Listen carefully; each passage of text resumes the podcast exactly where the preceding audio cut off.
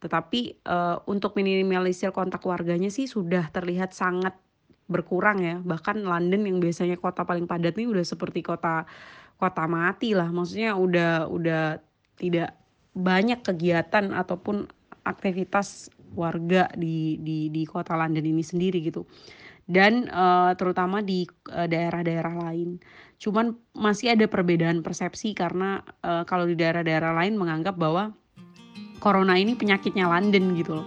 Jadi kayak masih ada warga-warga di kota-kota lain yang merasa bahwa uh, di kotanya mereka nggak akan kena karena corona ini punyanya penyakitnya London. Nah ini yang lagi dicoba oleh pemerintah untuk menyadarkan warga-warga uh, di kota-kota lain, kota-kota kecil lainnya di UK untuk ikut punya uh, awareness yang sama.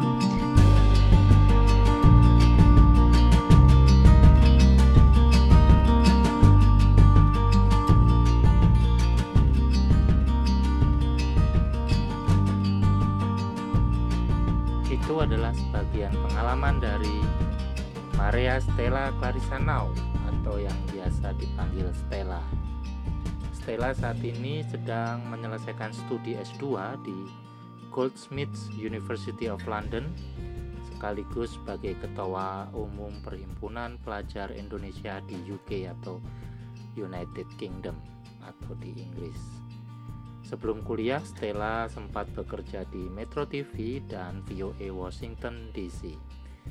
Nah, pada Sabtu 28 Maret yang lalu, Stella meluangkan sebagian waktunya untuk berdiskusi dengan jurnalis di Indonesia tentang bagaimana situasi pandemi dari COVID-19 di Inggris. Diskusi berlangsung di WA Group. Awalnya Stella mengirimkan tulisan mengenai perkembangan eh, coronavirus di Inggris, kemudian ada sesi tanya jawab dan Stella menjawab dengan mengirimkan voice note. Nah, saya akan membacakan atau menginformasikan update yang diberikan oleh Stella. Setelah itu saya juga akan me pertanyaan, memberikan pertanyaan yang akan dijawab oleh voice note dari Stella. Inggris sendiri adalah salah satu negara yang cukup banyak eh, rakyatnya terinfeksi oleh coronavirus. Level COVID-19 di Inggris sendiri sudah masuk ke tahap national emergency dengan pemberlakuan lockdown yang sudah ditetapkan oleh Perdana Menteri Boris Johnson beberapa hari yang lalu. Rencananya, lockdown ini akan berlangsung selama tiga minggu. Tapi penetapan lockdown di Inggris ini modelnya juga masih belum jelas. Bahkan media-media di Inggris sampai kepolisian kesulitan untuk menginterpretasikan atau menerjemahkan secara teknis skema lockdown yang ditetapkan oleh pemerintah Inggris. Berangkat dari keputusan Perdana Menteri Inggris, semua warga diminta untuk stay at home atau tinggal di rumah kecuali mereka yang harus keluar untuk berkegiatan dengan kategori esensial, seperti misalnya belanja kebutuhan makanan, olahraga, pekerjaan teknis di lapangan, dan bantuan kesehatan. Pertanyaan yang muncul adalah bagaimana menentukan kadar esensialnya. Apakah orang yang belanja atau olahraga boleh keluar pagi dan sore untuk kebutuhan yang sama? Kemudian pekerjaan esensial lain seperti apa yang bisa keluar rumah selain petugas kesehatan, pemerintah, dan jurnalis. Juga belum ada perhitungan pasti terkait ini, mengingat perbaikan infrastruktur di sana di Inggris masih berjalan. Kalangan kelas pekerja seperti penjaga supermarket, kemudian layanan delivery, dan cleaning service juga masih aktif bertugas pemerintah Inggris sendiri sedang menggodok undang-undang di parlemen sejumlah peraturan yang nantinya akan diberikan pada masing-masing sektor untuk menghadapi COVID-19 ini. Sejauh ini sudah ada undang-undang yang dikeluarkan khusus untuk menjalankan mitigasi COVID-19. Namun di dalam undang-undang baru memuat sejumlah langkah yang umum yang harus diperhatikan oleh semua kalangan, belum masuk pada hal yang lebih spesifik. Untuk industri media sendiri sudah banyak koran yang mendeklarasikan tutup karena berkurangnya pemasukan selama pandemi coronavirus ini. Penurunan pemasukan sangat signifikan, bahkan lebih signifikan dibanding pengaruh dari digital platform atau media online. Para jurnalis di Inggris juga sudah banyak yang dirumahkan, khususnya mereka yang berasal dari media lokal Sementara untuk pergerakan jurnalis sehari-hari, banyak media online yang sudah memperlakukan work from home, kecuali televisi. Kendala utama mereka biasanya dari ketersediaan narasumber. Banyak yang bekerja juga dari rumah, sehingga jurnalis kewalahan dalam memilah mana narasumber yang valid dan kredibel untuk berbicara mengenai COVID-19. Sementara itu eh, perkembangan di Inggris, jadi di Inggris intinya Perdana Menteri sudah memperlakukan lockdown, namun teknisnya belum detail seperti apa teknisnya. Nah berikut beberapa pertanyaan yang masuk. Apakah di London mengalami kepanikan? Apalagi setelah Pangeran Charles dinyatakan positif mengidap virus corona. Kemudian yang kedua, langkah lockdown juga dilakukan di sana. Bagaimana dampaknya menurut pantuan dari Stella? Halo Mas, jadi untuk uh, London sendiri level kepanikannya tuh justru sebelum ditetapkan lockdown. Jadi sebelum uh, Perdana Menteri Boris Johnson uh, menyatakan lockdown, itu justru banyak sekali terjadi panik buying karena orang-orang kemudian mendengar rumor bahwa akan lockdown tapi tidak ada lockdown, mereka jadi banyak yang sudah mulai kerja dari rumah, mereka datang ke supermarket beli sebanyak mungkin tanpa adanya social distancing juga gitu. Orang-orang masuk aja beli antri tanpa berpikir social distancing, kemudian juga tidak saling aware juga bahwa sebelahnya sakit atau tidak, semua langsung numplek di supermarket dan banyak akhirnya bahan makanan yang habis. Sehingga orang-orang yang datang belakangan sering kali tidak kebagian juga petugas yang menjual di supermarket juga kewalahan uh, menangani itu. Tapi justru ketika sudah ditetapkan lockdown, uh, lebih teratur menurut saya terutama di beberapa daerah salah satunya di tempat saya tinggal gitu uh, banyak supermarket yang sudah uh, buka dari pagi biasanya itu tutup jam 11 siang dan kita mengantri dengan jarak ya dengan social distancing itu sendiri kemudian juga diutamakan orang-orang tua duluan yang belanja gitu jadi biasanya mereka yang umurnya sudah 50 eh, tahun ke atas akan diprioritaskan untuk belanja terlebih dahulu dan di dalam supermarket sendiri dibatasi. Kalau misalnya supermarketnya besar biasanya hanya sekitar 5 atau 6 orang yang bisa ada di dalam. Tapi kalau supermarketnya kecil eh, kayak minimarket gitu biasanya cuma boleh dua orang yang di dalam. Jadi memang orang-orang yang di super, supermarket sini ya khususnya penjual makanan mereka cukup aware sih dengan social distancing. Uh, apa komunikasinya berjalan cukup bagus gitu. Nah, perihal untuk Pangeran Charles sendiri yang terkena COVID, uh, ditambah lagi Perdana Menterinya juga Boris Johnson dan Menteri Kesehatannya juga Matt Hancock juga terkena uh, coronavirus, uh, belum terlihat bahwa itu menimbulkan uh, tindakan yang yang ekstrim gitu ya dari pemerintah Inggris karena sampai dengan saat ini juga polisi sendiri masih kebingungan secara teknis bagaimana harus memperlakukan uh, peraturan uh, lockdown ini gitu. Jadi uh, paling hanya sebatas himbauan kalau mereka melihat ada orang berkerumun, berkelompok, berjalan ramai-ramai gitu. Mereka akan menyarankan bahwa ayo uh, tidak boleh atau harus pulang ke rumah dan segala macam. Dan selain dari itu kan sebenarnya hampir semua kegiatan-kegiatan yang besar di UK kan sudah batal. Kemudian juga restoran-restoran, bar juga itu semua sudah tutup. Jadi yang buka itu hanya rumah sakit uh, dan toko makanan. Kemudian juga yang berjalan servisnya cuma delivery dan juga uh, uh, untuk uh, petugas medis dan juga cleaning service. Itu aja yang yang yang masih berjalan di sini. Paling ada petugas-petugas stasiun yang masih beraktivitas itu untuk uh, overground kereta yang di atas. Kalau underground itu semua sudah tidak berjalan. Bus masih ada beberapa uh, yang aktif tapi sudah tidak tidak semua. Jadi ini kalau bisa dikatakan sih tidak total lockdown ya, semi lockdown. Dan semi lockdown ini sendiri aja polisi masih kebingungan menetapkannya seperti apa. Ada kabar kemudian akan menetapkan denda kalau misalnya ada yang keluar lebih dari sekali gitu. Tapi ini pun penetapannya di lapangan juga belum belum jelas gitu. Bagaimana kondisi WNI di London dan Inggris secara keseluruhan? Nah, apakah KBRI sudah tutup? Apakah juga berpengaruh ke pelayanan konsuler? Dan apakah ada pengaruhnya atau perubahan sejak Perdana Menteri Boris positif corona? Lalu, apakah WNI pernah menjadi korban rasisme terkait corona?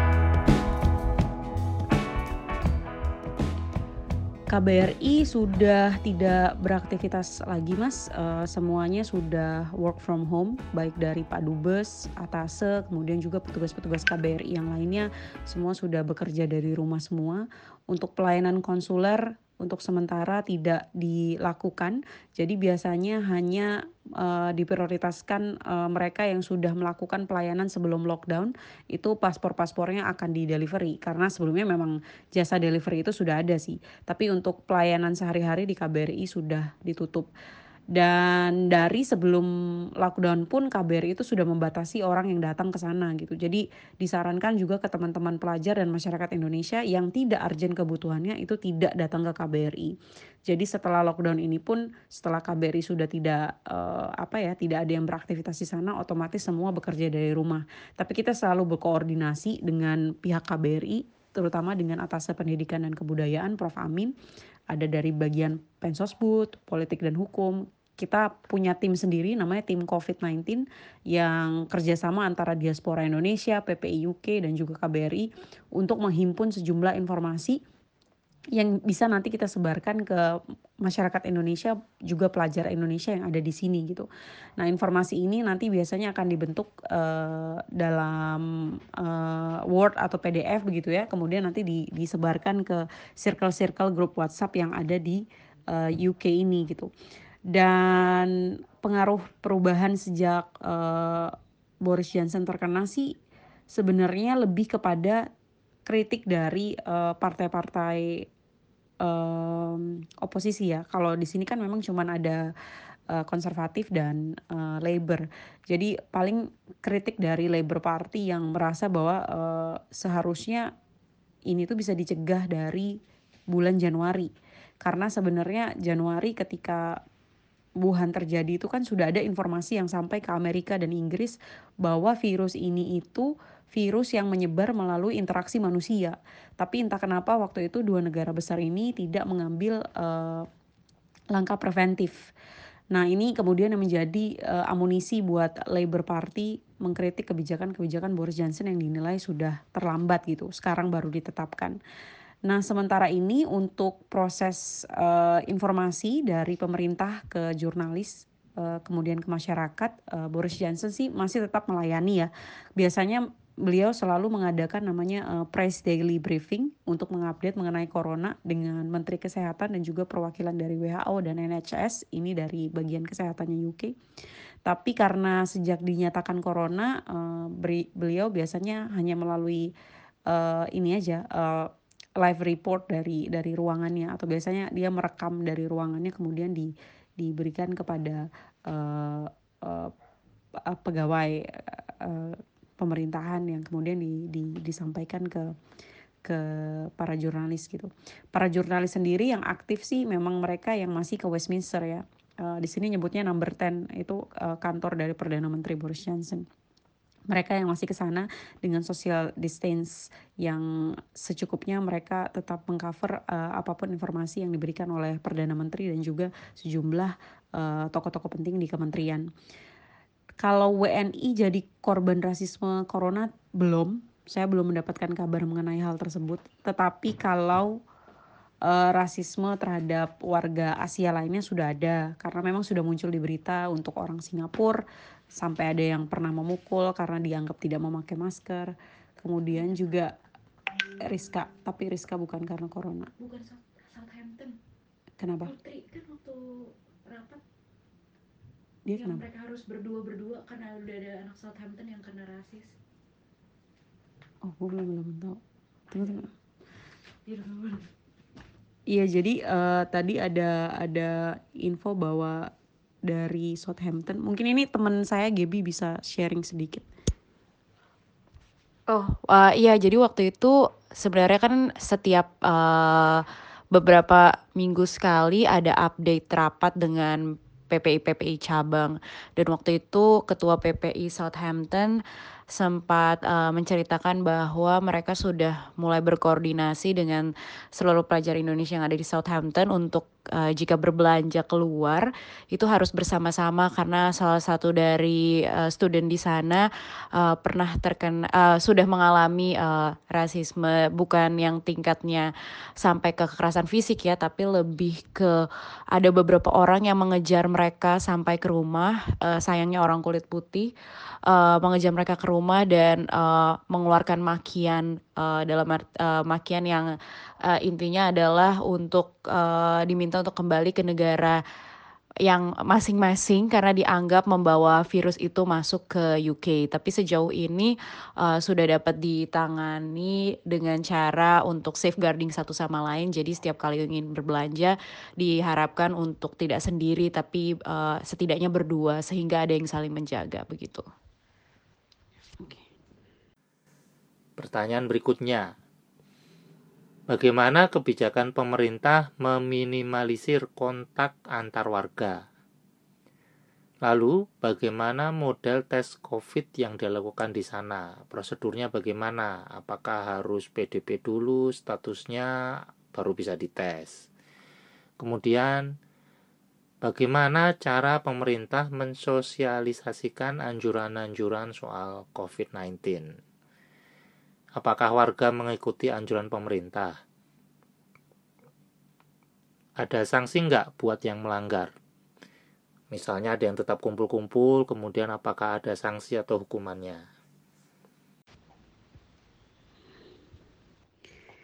Berikutnya untuk kebijakan pemerintah meminimalis, meminimalisir kontak antar warga kalau dari pemerintah Inggris sendiri sebenarnya jauh-jauh hari sebelum lockdown itu semua kegiatan besar, acara-acara besar itu sudah dibatalkan. Selain itu juga eh, apa banyak perusahaan-perusahaan yang sudah memperlakukan kerja dari rumah. Kemudian juga semua perkuliahan, sekolah itu juga tidak di, diadakan. Semua kegiatan belajar mengajar ditiadakan sehingga anak-anak sekolah baik yang masih di tingkat TK, SD, SMP, SMA sampai dengan yang kuliah diharapkan semua stay di rumah. Tidak ada yang yang berkeliaran gitu, maksudnya berpergian gitu. Yang traveling pun juga tidak boleh. Yang traveling menggunakan mobil antar kota atau menggunakan kereta kalau tidak esensial tidak diizinkan begitu pula dengan pesawat. Nah, bagaimana mereka memastikan memang biasanya akan dicek dari institusi uh, dari eh, organisasi-organisasi yang punya servis tersebut mereka akan mengecek ini kebutuhan kepentingannya untuk apa gitu. Sehingga uh, level kesadarannya sih kalau dari secara perusahaan dan organisasi di sini sudah cukup ya. Tapi mungkin secara individu aja kadang-kadang masih ada yang miss gitu kayak uh, misalnya tidak boleh sering keluar rumah tapi ternyata masih ada yang setiap hari naik sepeda olahraga gitu dilakukan secara konstan setiap hari. Nah itu pasti satu dua orang masih ada di setiap titik daerah gitu. Tetapi uh, untuk minimalisir kontak warganya sih sudah terlihat sangat berkurang ya. Bahkan London yang biasanya kota paling padat ini udah seperti kota kota mati lah. Maksudnya udah udah tidak banyak kegiatan ataupun aktivitas warga di di di kota London ini sendiri gitu dan uh, terutama di daerah daerah-daerah lain. Cuman masih ada perbedaan persepsi karena uh, kalau di daerah-daerah lain menganggap bahwa corona ini penyakitnya London gitu loh. Jadi kayak masih ada warga-warga di kota-kota lain yang merasa bahwa uh, di kotanya mereka nggak akan kena karena corona ini punyanya penyakitnya London. Nah ini yang lagi dicoba oleh pemerintah untuk menyadarkan uh, warga-warga di kota-kota lain, kota-kota kecil lainnya di UK untuk ikut punya uh, awareness yang sama. Sementara untuk model tes COVID, nah biasanya di sini saya nggak bisa bilang ini lebih baik juga sih dari Indonesia kak. Jadi uh, UK ini sendiri sangat-sangat kewalahan NHS-nya dalam menangani masalah corona. Karena hampir semua rumah sakit tuh penuh tidak hanya dengan mereka yang punya simptom corona tetapi juga orang-orang yang punya penyakit lain gitu. Jadi sangat-sangat kewalahan dan ini selalu menjadi bagian dari kritik uh, masyarakat dan juga kritik uh, partai oposisi terhadap pemerintah gitu. Jadi biasanya kalau belajar dari teman-teman Indonesia yang punya simptom mild simptom gitu mereka biasanya akan telepon kita sarankan untuk telepon ke, NH, ke NHS atau melakukan self assessment melalui website atau aplikasi yang yang yang yang UK punya gitu untuk tahu kondisi misalnya mereka sudah panas berapa hari, batuk berapa hari atau ada gejala ini kah atau ada gejala sesak napas, uh, ada gejala pilek atau seperti apa. Nah, itu nanti di situ akan keluar hasilnya apakah mereka perlu ke rumah sakit atau tidak. Jadi dimulai dari self assessment dulu. Kemudian berikutnya kalau masih belum puas mereka bisa menelpon ke NHS.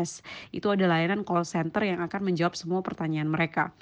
Nah, eh dari situ mungkin biasanya nanti dari NHS kalau mereka dirasa tidak darurat, tidak darurat tuh artinya mereka masih bisa makan, mereka masih bisa jalan, biasanya itu akan disuruh self isolate antara 7 sampai 14 hari. Kalau misalnya darurat, misalnya sudah sampai kesulitan bernafas, tidak bisa bergerak, baru ditelepon uh, ambulans untuk pick up. Biasanya pun ambulans datang tidak langsung membawa mereka ke rumah sakit. Biasanya di ambulans itu sudah ada dokter yang memeriksa si pasien itu langsung di kamarnya gitu. Jadi um, ini untuk mengurangi beban orang yang datang ke rumah sakit juga gitu.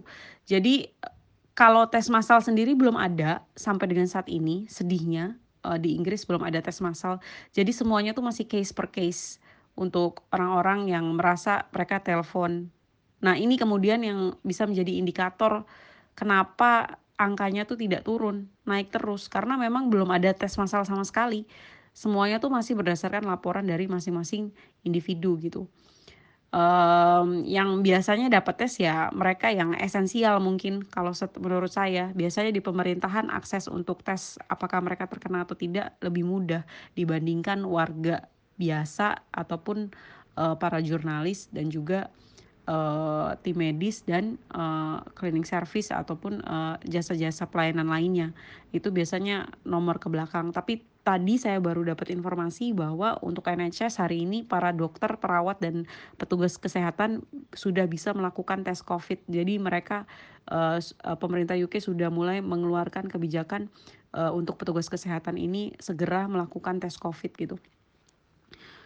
Uh, pemerintah mensosialisasikannya karena di sini medianya juga cukup banyak dan semua orang juga melek terhadap media way before corona jadi informasi yang nyampe ke mereka tuh cepat.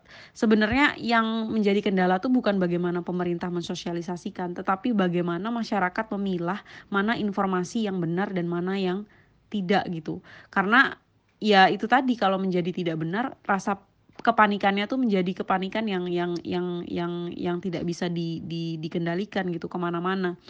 Nah ini yang kemudian menjadi pekerjaan teman-teman jurnalis yang ada di sini juga gitu uh, informasi dari pemerintah ini apakah harus dipercaya 100% ataukah harus kita mencari expert yang lain untuk mendibak apa yang disampaikan oleh pemerintah karena pemerintah sama ti sama tidak yakinnya dengan para jurnalis yang mengcover berita itu gitu loh.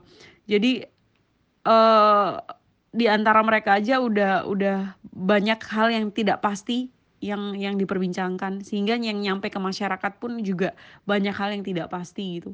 Jadi kalau saya lihat sih polanya di sini memang para jurnalis masih bukan masih memang harus rely on ke pemerintah ya untuk informasi-informasi mengenai COVID ini. Tapi bagaimana kemudian men-challenge apa yang disampaikan pemerintah? Karena kan e, dinamis sekali ya pergerakan corona ini uh, antara satu negara dengan negara yang lain tuh kondisinya bisa beda-beda dan pergerakannya tuh cepat sekali dari tiap jam dan juga tiap hari gitu. Nah, bagaimana pertukaran informasi ini nggak cuman mandek di dalam UK aja atau mandek di London aja, tapi ada informasi-informasi dari expert-expert negara-negara lain yang bisa mereka gunakan untuk membantu pemerintah atau men-challenge pemerintah, men-challenge kebijakan pemerintah bahwa ini yang benar, ini yang tidak, ini yang harus kita upayakan, ini yang harus kita lakukan terlebih dahulu. Itu yang sekarang masih menjadi uh, common problem di kalangan para jurnalis yang ada di di di seluruh dunia sih menurut saya nggak cuma di UK gitu. Kemudian uh, warga mengikuti anjuran pemerintah. Tadi saya udah jawab sih, Mas. Uh, jadi kalau secara individu memang masih ada kendala karena masih ada yang keluar. Tapi sudah kalau uh, dalam bentuk kelompok-kelompok gitu, saya rasa sih kalau untuk London sudah cukup clear ya. Maksudnya tidak ada lagi orang yang keluar beramai-ramai karena pretty much semua tutup mas kafe, uh, bar, toko-toko yang yang yang yang nggak esensial ya yang pakaian apa segala macam itu juga semua udah tutup jadi orang mau keluar juga mau ke mana gitu kan ke taman pun juga sekarang sudah paling satu dua orang aja yang memang olahraga dan bener-bener uh, apa mereka saling menjaga jarak satu sama lain pemerintah Inggris saat ini sudah memperlakukan kebijakan penyediaan dana sebagai emergency fund yang diperuntukkan bagi para pekerja di Inggris yang terkena imbas COVID-19. Bagaimana implementasi kebijakan tersebut? Iya benar, uh, selain emergency fund itu sebenarnya ada bantuan dana juga dari pemerintah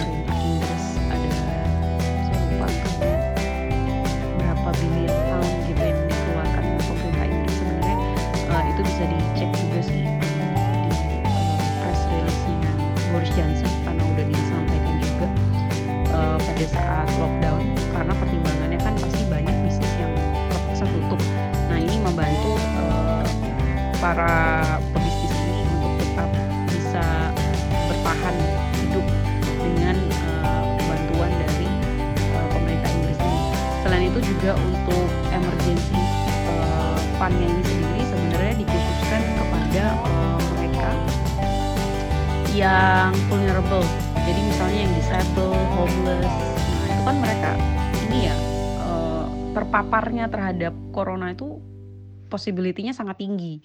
Nah sehingga bagaimana memastikan mereka tidak menambah uh, masalah corona yang ada di kota London maupun di kota-kota lainnya yang ada di UK sehingga emergency fund-nya ini disediakan untuk untuk mereka gitu melalui uh, foundation filantropik uh, yang ada di di UK dan biasanya ini di, di, di, diberikannya kepada komunitas eh, komunitas-komunitas yang ada di berbagai kota London untuk kemudian di, di, disebarkan, diimplementasikan ke daerahnya masing-masing gitu. Kalau yang paling mainstream kemarin yang sempat keluar adalah uh, ada beberapa tempat hotel penginapan yang sudah di uh, tujukan untuk uh, menampung para homeless karena memang homeless di sini kan semua mereka tinggal di jalan ya sehingga paparan mereka terhadap virus ini tuh menjadi lebih tinggi dari mereka yang ada di dalam rumah gitu. Ini akhirnya kemudian langkah yang diambil oleh pemerintah UK untuk uh, memindahkan mereka semua ke beberapa tempat penginapan uh, agar bisa uh, jauh dari uh, corona ini sendiri. Yang menjadi pertanyaan lain sebenarnya di kalangan masyarakat di sini itu adalah bagaimana sih sistem self isolation itu yang yang yang benar gitu. Kalau misalnya satu rumah ada sekitar 5 sampai 6 orang. Terus salah satunya kena. Nah, itu self isolation yang benar tuh seperti apa? Karena hal sesederhana seperti itu kadang-kadang interpretasinya bisa beda-beda gitu. Jadi kadang ada orang yang yang yang misalnya masih sering berpergian keluar. Nah, itu dia interaksinya harus seperti apa dengan orang-orang yang masih yang orang-orang yang punya privilege stay at home gitu. Karena jangan sampai dia meskipun sehat tidak punya simptom, tapi dia kerja setiap hari, dia pulang ke rumah bawa penyakit gitu itu yang sampai dengan sekarang belum ada standar. Kira-kira untuk mereka yang masih kerja, gimana sih mereka harus self distancing, gimana harus mereka isolate dari orang-orang yang tinggal bareng sama mereka gitu. Atau orang-orang yang kerja di uh, rumah sakit, gimana sih mereka supaya tidak punya kontak yang membahayakan orang tua mereka atau orang-orang orang-orang yang berumur di rumah mereka atau anak-anak mereka gitu misalnya. Atau misalnya uh, yang sudah terkena sekalipun, bagaimana kemudian di rumah itu beraktivitas di dalam skema self isolation gitu. Kalaupun satu orang di dalam kamar, bagaimana memastikan semuanya tuh tetap berjalan normal di rumah itu itu.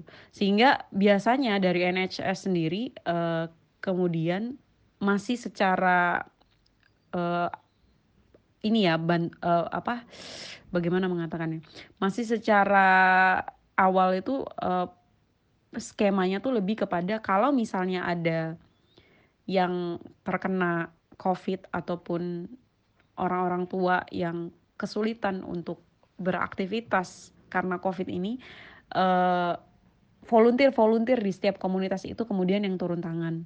Jadi mereka yang membelanjakan, mengantar bahan belanjaan itu ke rumah si orang yang terkena suspek COVID atau orang tua yang tidak bisa keluar-keluar karena khawatir akan terkena COVID. Nah, volunteer-volunteer ini yang bergerak di setiap uh, komunitas dan ada beberapa teman pelajar di Indonesia di Brighton yang sudah ikut terlibat dengan volunteering itu ya. Uh, mereka yang membelanjakan untuk para lansia gitu ya kebutuhan makanan mereka selama seminggu dua minggu kemudian juga uh, ada beberapa saya lihat juga di media volunteer volunteer yang uh, mendistribusikan makanan untuk uh, homeless homeless yang sudah dikumpulkan di tempat tersendiri gitu agar mereka juga uh, tidak terkena paparan uh, dari corona ini. Nah ini yang saya perhatikan uh, sedang digalakan juga sih di di Inggris gitu uh, kerjasama antar masyarakat antar komunitas yang ada di sini. Jadi meskipun mereka mengantar tapi itu masih dalam skema self distancing. Jadi walaupun volunteer tapi tidak beramai-ramai kemudian mereka mengantar itu, tetap itu antar satu dua individual keluar berbelanja dan dia yang mengantarkan sendiri ke rumah atau ke si para lansia ini ketika uh, yang bersangkutan tidak bisa keluar rumah gitu. Jadi tetap uh, ada pembatasan orang-orang yang bisa keluar rumah tapi berangkat dari kesadaran diri sendiri ya karena secara teknis uh, larangan di, di lapangan polisi memberlakukan uh, denda ataupun uh, pelarangan seperti India yang sampai kekerasan fisik itu belum kelihatan sih di UK. Semuanya masih tahap uh, kesadaran dari individu masing-masing. Pertanyaan selanjutnya, sejauh ini bagaimana komunikasi dan publikasi yang dilakukan oleh pemerintah Inggris kepada masyarakat terkait corona. Apakah sudah cukup transparan? Dan bagaimana media di Inggris menyeimbangkan pemberitaan yang meresahkan dengan sisi positif dari si corona ini? Hmm, kok sisi positif dari corona? Oh, mungkin ada pemberitaan yang yang bikin resah, kemudian ada juga pemberitaan yang bersifat lebih positif atau lebih berita-berita yang menggembirakan mungkin ya maksudnya itu juga sama terjadi di Indonesia untuk komunikasi dan publikasi kalau pemerintah Inggris tadi uh, saya udah sampaikan bahwa setiap hari itu selalu ada press daily briefing terkait corona yang disampaikan langsung oleh Perdana Menteri Boris Johnson. Jadi setiap sore menjelang malam di atas jam 7 tuh kita semua udah menantikan dari PM Boris nih ada apa informasi terbaru yang akan disampaikan gitu. Uh, kita mengikuti perkembangannya dari situ dan hampir semua media online maupun TV akan menyiarkan itu. Kemudian juga kalau transparansinya sendiri cukup transparan karena akses terhadap uh, berapa orang yang terkena, berapa yang sehat, berapa yang kemudian masih kritis itu uh, mappingnya cukup jelas sih kalau untuk UK dan per daerahnya juga selalu ada update terbaru yang bisa kita akses melalui websitenya uh, pemerintah UK gitu. Jadi mereka cukup terbuka dalam hal ini tidak ada yang ditutup-tutupin. Bahkan kalau bisa bahkan yang nggak kena cukup ngerasa batuk-batuk aja mereka saranin untuk telepon konsultasi gitu. Jadi jangan sampai ada yang miss ada yang nggak nggak laporan gitu. Mereka sih sangat-sangat terbuka dalam dalam mengatasi uh, komunikasi mengenai corona ini. Kalau terkait media sendiri, bagaimana menyeimbangkannya? Di beberapa media seperti BBC, kemudian Sun, kemudian juga uh, Telegraph, itu mereka ada uh, divisi fact checking. Jadi selain mereka mengeluarkan berita, mereka juga melakukan fact checking terhadap kontor-kontor berita lain yang di luar dari uh, newsroom mereka. dan juga ada beberapa lembaga fact checking yang ikut membantu uh, mencari kebenaran dari informasi yang beredar di uh, terutama online media sosial ya. Jadi fact checking ini menjadi salah satu pilar penting dalam penanganan isu corona karena kadang sering kali eh, terutama tabloid-tabloid Inggris ini kan terkenal banget ya dengan berita-berita entertainnya, entertain yang cenderung akhirnya itu bukan berita benar gitu, hanya sekedar untuk entertain.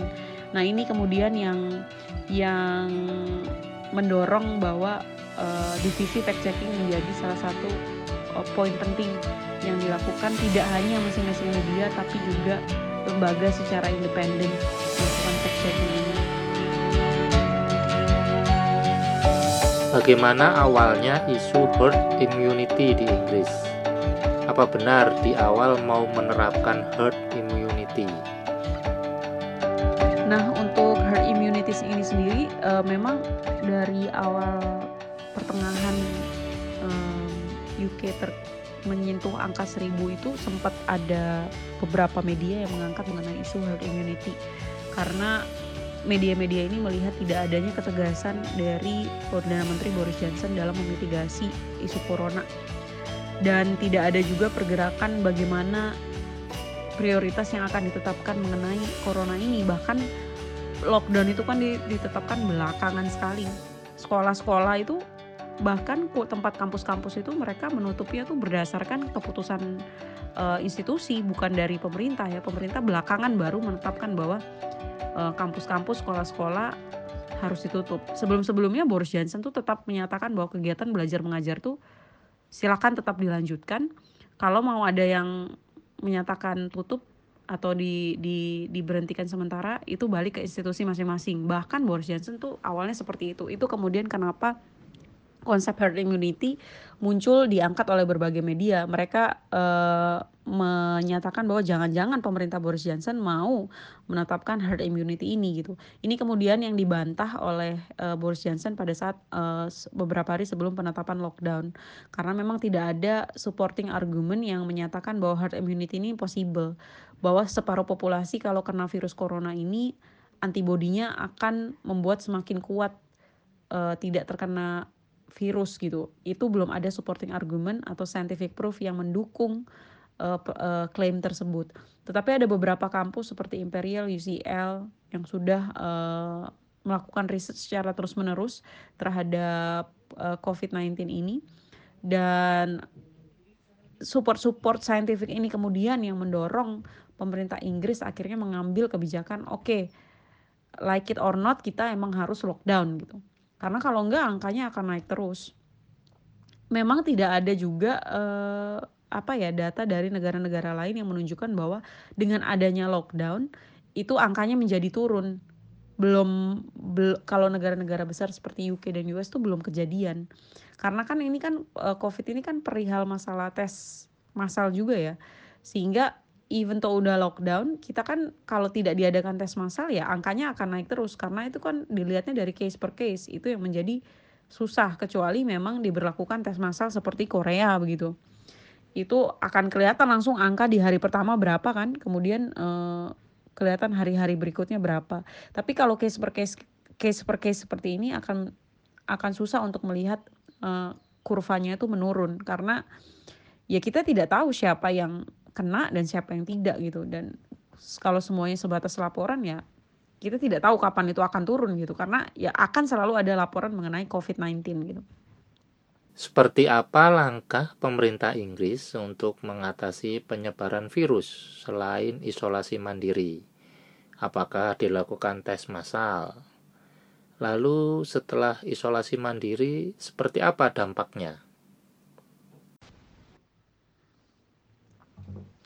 Kalau untuk tes massal itu masih berdasarkan prioritas sih Mas, setahu aku uh, dari komunikasi yang aku dapat dari KBRI juga, kemudian um, informasi dari teman-teman dari PPI cabang juga, semuanya sih masih berdasarkan prioritas. Artinya memang dari rumah sakit itu masih memberikan porsi yang besar untuk mereka yang punya simptom parah mengenai COVID. Yang mild aja mereka suruh tahan di rumah, tidak boleh keluar-keluar gitu. Isolate di rumah. Jadi yang paling sering dikritisi dari pemerintah Inggris itu sebenarnya adalah bagaimana mereka memastikan para petugas medis itu tidak tertular dengan COVID. Itu yang baru sekarang ini mereka kemudian oke okay, para petugas medis akan dites mengenai COVID. Karena sebelum-sebelumnya petugas medis itu tidak pernah dites COVID gitu. Ini yang yang yang yang yang apa menjadi problem. Karena petugas medis kan jumlahnya banyak ya. Dan mereka tidak hanya di rumah sakit kan. Some of them harus pulang ke rumah gitu. Sehingga tanpa melalui tes covid ini bagaimana kemudian mereka tracking penyebaran virusnya ini? Nah itu. Kalau untuk isolasi mandiri ada beberapa uh, kalau belajar dari teman-teman pelajar Indonesia di sini mereka sudah ada yang isolasi mandiri ya. Mereka yang flu demam dan segala macam dan biasanya kalau udah getting better ya setelah 7-14 hari mereka biasanya akan keluar rumah beli makanan sehari-hari kebutuhan perlengkapan rumah gitu. Tapi itu balik dari kesadaran sendiri. Kalau memang sudah uh, lewat dari 14 hari. Tapi kalau kalau yang sudah parah ya biasanya sih uh, akan dibawa ke rumah sakit um, dampak dari isolasi mandiri sendiri ini mungkin harus dicek ke saya harus cek lagi ke ke laporan harian yang diberikan oleh uh, uh, pemerintah Inggris ya daily press briefingnya. Tapi kalau kita lihat dari angkanya yang yang recovery aja kan baru 135 dari 759 yang meninggal. Yang terkena ada sekitar 14.000, itu kecil sekali yang recovery-nya. Jadi um, saya tidak tahu recovery-nya ini kategorinya apakah mereka dari yang parah masuk rumah sakit kemudian mereka recovery karena biasanya yang self isolate di rumah itu tidak terhitung sebagai recovery ya karena kan mereka tidak dianggap terkena covid kan mereka cuman ya sudah kamu mengurung diri aja dulu sampai 14 hari baru setelah itu dicek kalau misalnya masih parah baru dibawa ke rumah sakit gitu Nah, yang recovery ini dalam hemat saya ya mereka yang memang di rumah sakit sudah positif COVID dan akhirnya dinyatakan di, sembuh gitu. Itu baru sekitar 130-an. Untuk para jurnalis di Inggris, ada tidak gerakan-gerakan advokasi dalam menyikapi kebijakan pemerintah? Dari tadi kan e, Mbak Stella cerita sebagian media lokal banyak yang gulung tikar jika ada, bagaimana sih bentuk advokasi yang dilakukan? Kalau jurnalis-jurnalis yang ada di sini, kalau saya diskusi uh, dengan eh, beberapa teman yang uh, kebetulan di jurusan saya juga ada beberapa jurnalis uh, dari satu salah satu dari BBC gitu dan juga ada dari media lokal. Sebenarnya concern mereka tuh juga terhadap tes sih, Mas. Jadi bagaimana mereka juga bisa mendapatkan akses untuk tes COVID gitu. Karena kalau dilihat dari sakit atau tidaknya sih banyak orang tidak menunjukkan simptom mas. Tapi ternyata later on ketahuan bahwa dia carrier, dia punya COVID itu gitu loh. Jadi uh, ini yang yang menjadi concern para jurnalis. Oke mereka kerja dari rumah, tapi yang untuk tidak kerja di rumah, bagaimana mereka punya akses untuk tes COVID juga gitu loh. Itu yang harus harus jadi apa concern saya rasa juga tidak hanya untuk jurnalis di UK tapi jurnalis di negara-negara lain gitu. Bagaimana akses tes ini diberikan kepada mereka yang melakukan essential work dari petugas medis, wartawan, cleaning service, orang-orang yang delivery, mereka yang kerja di Amazon, mereka yang kerja di Apple Store dan segala macam. Justru mereka-mereka yang di lini depan ini seharusnya mereka yang yang harus punya akses terhadap tes COVID gitu. Itu yang jadi uh, narasi di beberapa uh, expert uh, ataupun media-media uh, yang ada di UK gitu. Kalau bentuk advokasi terhadap kerugian dari uh, media itu sen sendiri saya belum melihat ya adanya advokasi ke arah sana. Tetapi memang uh, kebanyakan jurnalis di sini ya dari yang online mereka sudah banyak kerja dari rumah gitu. Dan dari pihak perusahaan juga di sini sudah cukup aware dengan kasus Covid, Mas. Jadi perusahaan-perusahaan yang ada di UK ini mereka mereka pun ya dengan sendirinya mengharuskan para karyawannya untuk bekerja dari rumah, wartawan-wartawan online terutama. Tidak perlu datang ke lapangan kalau memang tidak penting sekali gitu. Dan bagaimana mereka mengcovernya dari segi bisnis uh, itu mungkin lebih banyak berbicara di sektor uh, revenue advertising yang secara online gitu. Tapi kalau um, uh, skemanya seperti apa mungkin itu nanti harus harus dicari tahu lebih mendalam lagi uh, bagaimana proses uh, skema perhitungan revenue pasca corona ini. Yang pasti sih metode peliputan sudah sangat berubah total ya. Nanti saya akan share salah satu dari Washington Post uh, bagaimana mereka meliput sehari-hari mengenai corona di mana di situ mereka sangat rely on digital visualization untuk membuat masyarakat sadar betapa bahayanya corona ini tanpa mereka harus turun ke lapangan. Kekuatan online platform kan sebenarnya di situ ya. Nah, uh, kalau untuk TV sendiri rata-rata mereka ya karena ada press daily briefing ya mereka masih tetap harus ke lapangan. Tapi itu tadi uh, advokasinya lebih kepada bagaimana akses tes corona ini bisa mereka dapatkan sehingga pencegahan ataupun mitigasinya juga bisa lebih cepat gitu. Tidak harus mereka keluar menularkan ke orang baru mereka tahu gitu. Jadi ini sih tes tes tes tes tes dan tes ini yang juga selalu menjadi fokus dari uh, masyarakat dan juga pemerintah UK pemerintah Inggris apakah sudah cukup tanggap ya? Apakah ada perdebatan antara kepentingan ekonomi versus kesehatan masyarakat? Apakah po, hmm, apakah para politikusnya satu suara atau masih ada yang rebutan panggung politik buat kepentingan masing-masing? Nah, ini bisa berkaca juga situasi di Indonesia ya. E, banyak kritik di sosmed bahkan mengkritik dulu waktu kampanye banyak partai caleg yang merebut suara dengan bagi-bagi kaos. Tapi ketika pandemi atau wabah corona ini merebak, tidak ada satupun partai politik atau wakil rakyat yang muncul untuk bagi-bagi bagi-bagi masker. Nah ini di Inggris juga ditanyakan apakah para politikusnya di sana ada yang mencari panggung uh, pemerintah UK apakah sudah cukup tanggap? Kalau misalnya kita lihat Kak di online pemberitaan ya uh, dan juga di beberapa siaran uh, yang ada selama ini mengenai COVID di UK. Um, terakhir kemarin ketika Boris Johnson dinyatakan positif COVID uh, dari Partai Labour uh, um, sudah menyatakan uh, turut bersedih juga sebenarnya dengan kondisi ini bahwa like it or not memang ya mereka-mereka yang ada di pemerintahan itu juga garda terdepan lah terkait dengan covid ini ya. Tidak tidak terlepas dari petugas medis dan juga wartawan mereka pun putting their life online untuk uh, menangani masalah covid ini gitu.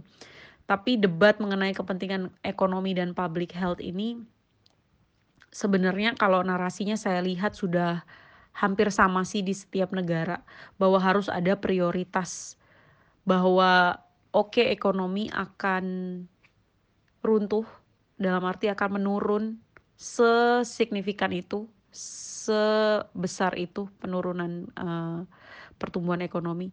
Tapi harus memang itu karena memprioritaskan uh, public health karena itu menjadi apa ya keputusan yang yang yang tidak bisa dihindari lagi gitu. Uh, apalagi kalau kita lihat penyebaran corona ini kan seperti invisible enemy yang kita nggak bisa detect gitu, kecuali negara yang menerapkan uh, tes massal ya itu baru mereka bisa bisa mengukur sejauh mana mereka harus menanggung resiko dari COVID-19. Itu pun aja selalu ada new cases kayak Korea Selatan. Even mereka udah tes massal, per hari kemarin aja mereka masih ada new cases almost 10 people um, apa kena kena corona kan uh, virus baru gitu. Dan kalau kalau saya lihat sih memang polanya adalah virus ini dibawa dari uh, awal mulanya selalu dari para pendatang sih yang datang ke UK, yang datang ke negara-negara gitu. Jadi tidak mengenal batas yang datang dari luar ke sini bawa virus itu dan tersebar ke mana-mana. Sehingga uh, menjadi susah untuk pemerintah mengukur sebesar insentif sebesar apa yang harus mereka berikan supaya ekonominya tuh tetap tercover at least di situasi emergensi kayak se seperti ini gitu. Sejauh ini bantuan yang diberikan pemerintah UK ya masih sebatas bantuan untuk uh, uh, mencegah bisnis-bisnis kecil menengah yang ada di di UK ini went into bankruptcy gitu. Jadi kayak mencoba membuat mereka bertahan dengan bantuan dana, kemudian juga uh, penundaan pembayaran cicilan, utang. Nah, itu salah satu beberapa kebijakan yang ditetapkan. Tapi dari segi public health memang banyak sekali ketidakpastian sehingga ini mempengaruhi sektor-sektor lainnya. Kalau para politikus satu suara atau tidak untuk lockdown sudah satu suara, mereka sudah sepakat memang harus ditetapkan lockdown. Tetap tapi mereka belum satu suara bagaimana kemudian um, what's next untuk model uh, yang bukan model kehidupan ya bagaimana kan jadi sekarang tuh di di di di UK tuh ada perdebatan mengenai model ekonomi seperti apa yang harus dibuat pasca covid ini. Karena mereka sendiri tidak yakin bahwa covid ini akan akan selesai dalam setahun gitu. Vaksinnya aja sampai sekarang belum belum dapat kan. Vaksin seperti apa yang akan mereka buat untuk untuk covid. Semua tuh baru sebatas temuan temuan temuan tapi belum ada yang valid bahwa itu menjadi vaksinnya covid gitu bahkan Donald Trump kemarin bilang bahwa sudah ditemukan obat ternyata malah dari bagian tim kesehatannya dia men, me, mendelegitimasi ucapan presiden di depan presiden sendiri gitu jadi banyak ketidakpastian ini kemudian yang akhirnya belum ada satu suara juga what's next after corona ini gitu. Yang upaya-upaya yang mereka lakukan lockdown ini ya ya sebatas untuk menunda penyebarannya tapi bukan menyembuhkan corona ini loh.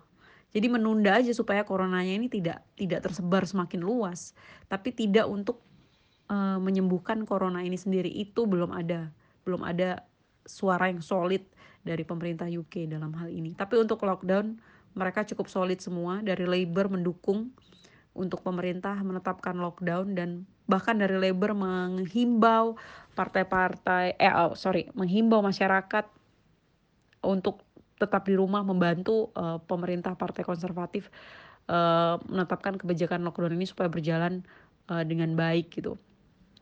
Jadi awarenessnya dari kedua partai terkait corona ini dalam hal implementasi lockdown mereka cukup solid dan bahkan ya uh, kalau saya bisa menambahkan sedikit kan seharusnya tahun ini ada uh, pemilihan pengganti Jeremy Corbyn uh, ketua partai Labour.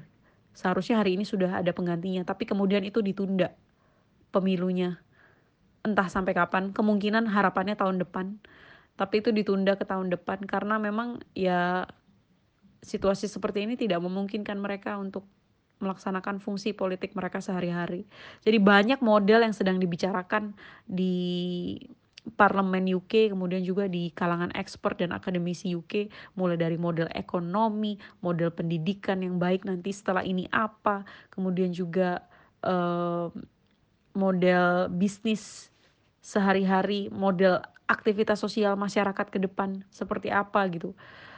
Um, ini yang masih masih terus digodok bersama. Dan kalau yang saya tangkap di beberapa diskusi bersama dengan uh, teman-teman expert yang ada di universitas sebenarnya ini tidak bisa dilakukan negara sendiri sih. Maksudnya satu negara sendiri UK menyelesaikan ini atau Indonesia menyelesaikan ini nggak bisa. Karena masalahnya sudah lintas batas butuh global cooperation butuh global uh, inisiatif untuk menyelesaikan ini dan tidak bisa dilepaskan hanya melalui apa yang disampaikan oleh WHO ya negara-negara besar inilah yang harus didorong untuk untuk uh, menetapkan uh, kerjasama seperti apa ke depan sehingga mencegah COVID ini semakin parah atau mencegah ada mutasi-mutasi virus lain dari COVID yang kemudian berkembang dan membahayakan kehidupan manusia di dunia ini.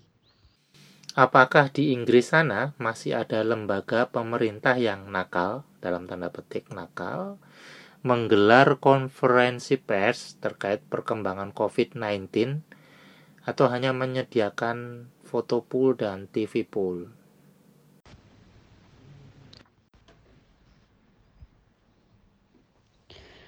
Kalau di UK sendiri, setahu saya, selama saya mengikuti pemberitaan yang ada di sini, semua itu selalu terpusat di press daily briefingnya Perdana Menteri setiap sore.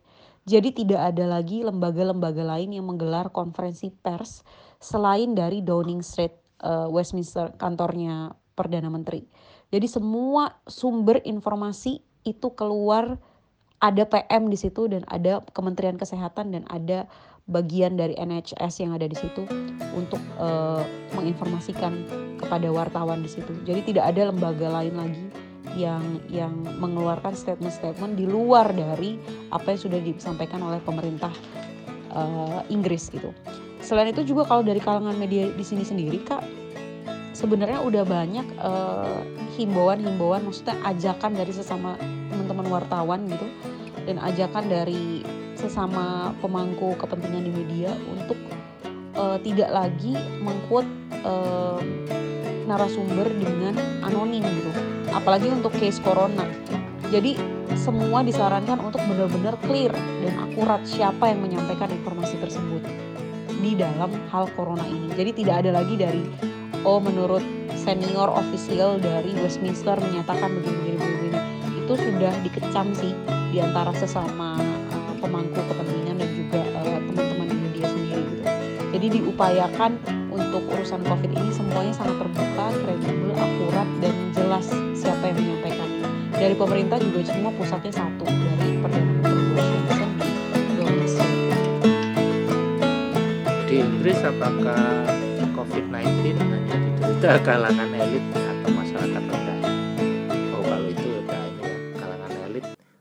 Pangeran Charles, kemudian Perdana Menteri Boris Johnson juga terinfeksi ya. Jadi yang uh, masyarakat elit pun kena. Kemudian kalau di masyarakat Indonesia dengan adanya COVID-19 ini beberapa warga di kampung mengkonsumsi ramuan tradisional. Nah, apakah di Inggris juga berlaku atau tidak ramuan tradisional ini? Uh, kalau di sini nggak pernah ada kategori masyarakat elit atau rendah terkena COVID sih, Mas. Jadi benar-benar kampanyenya adalah ya semua stay di rumah. Mau dia berduit atau enggak, ya stay di rumah gitu. Jadi karena kampanyenya tuh berangkat dari even kalau kamu sehat, kalau kamu punya virus itu, kamu tetap bisa menularkan orang lain gitu. Jadi nggak ada kayak campaign bahwa oh yang kaya dibantu yang miskin, yang miskin harus stay di rumah atau beberapa bisa kerja kayak gitu. nggak nggak nggak nggak seperti itu. Tetapi memang kritik yang muncul itu lebih kepada misalnya apa sih kontribusi dari para bilioner miliar, miliarder yang ada di UK terhadap COVID sejauh mana mereka berkontribusi, sumbangan apa yang bisa mereka berikan. Bahkan uh, beberapa kelas pekerja sudah mengangkat nama-nama seperti Bill Gates, uh, Tim Cook gitu.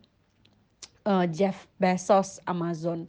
Apa kira-kira yang mereka bisa lakukan gitu untuk berkontribusi terhadap penanganan COVID ini baik dari secara mitigasi maupun research untuk vaksin gitu apa yang kira-kira bisa dikerjasamakan di tingkat global dari para orang-orang yang berduit ini. Lebih ke hal-hal seperti itu sih. Bahkan eh, apa yang dilakukan oleh masyarakat di sini sih tidak pernah melihat kelas-kelas seperti itu ya.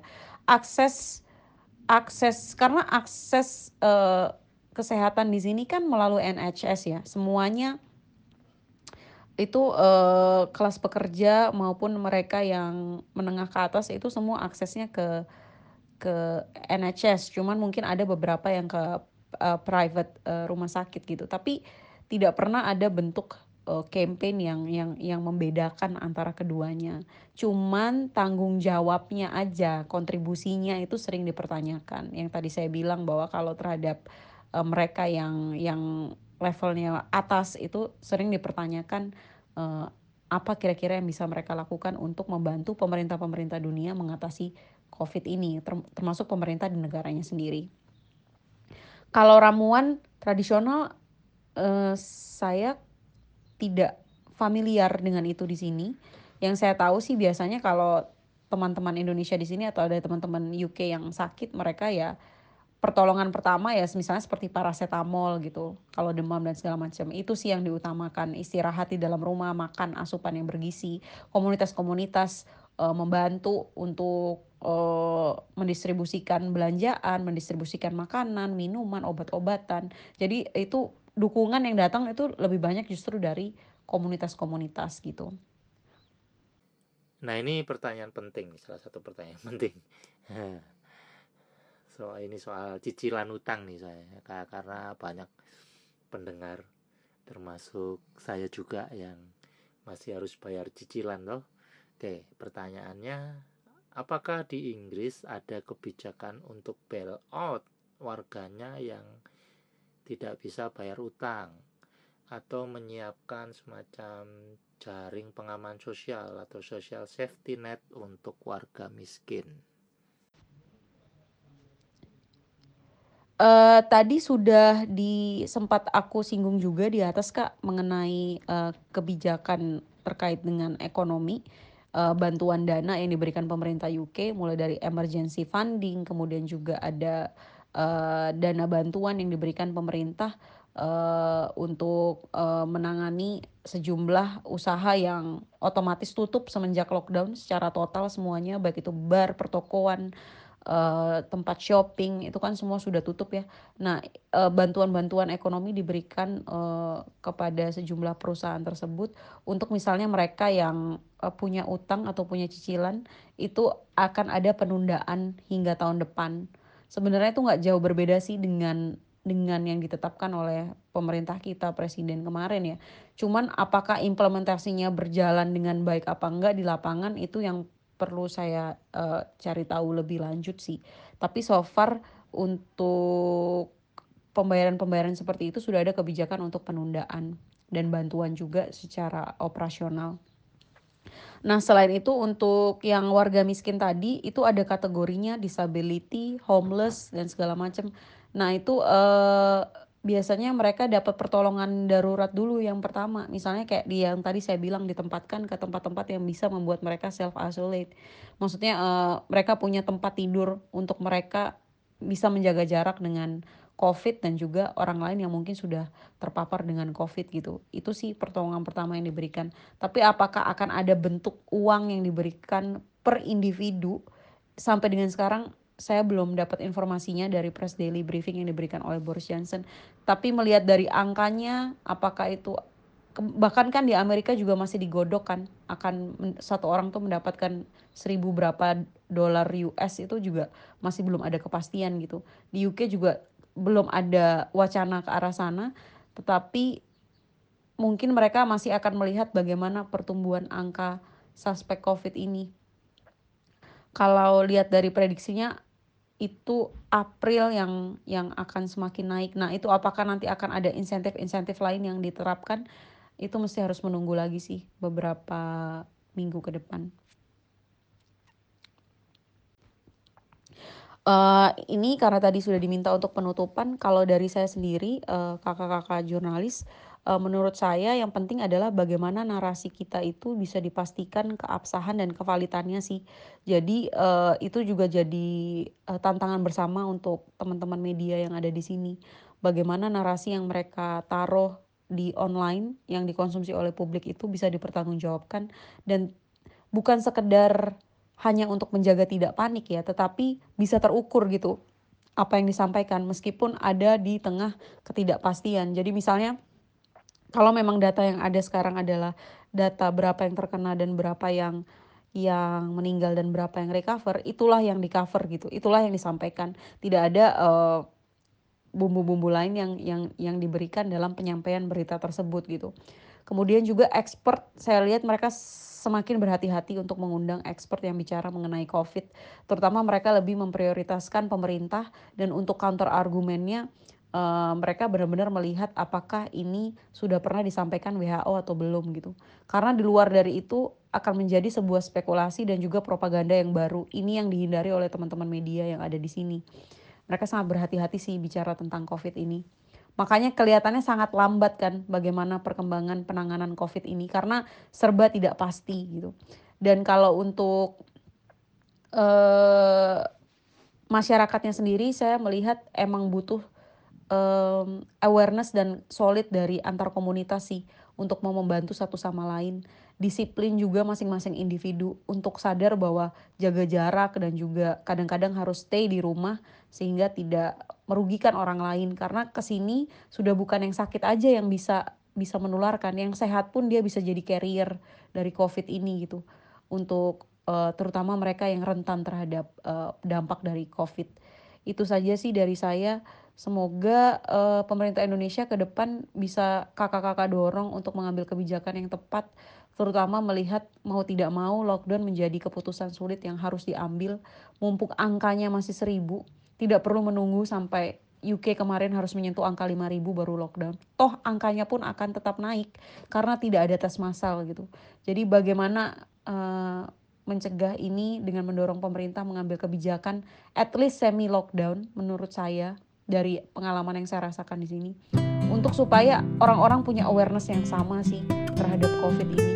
Karena kalau disepelekan ya takutnya end up seperti Italia. Terima kasih eh, kakak-kakak atas waktunya. Semoga informasi ini berguna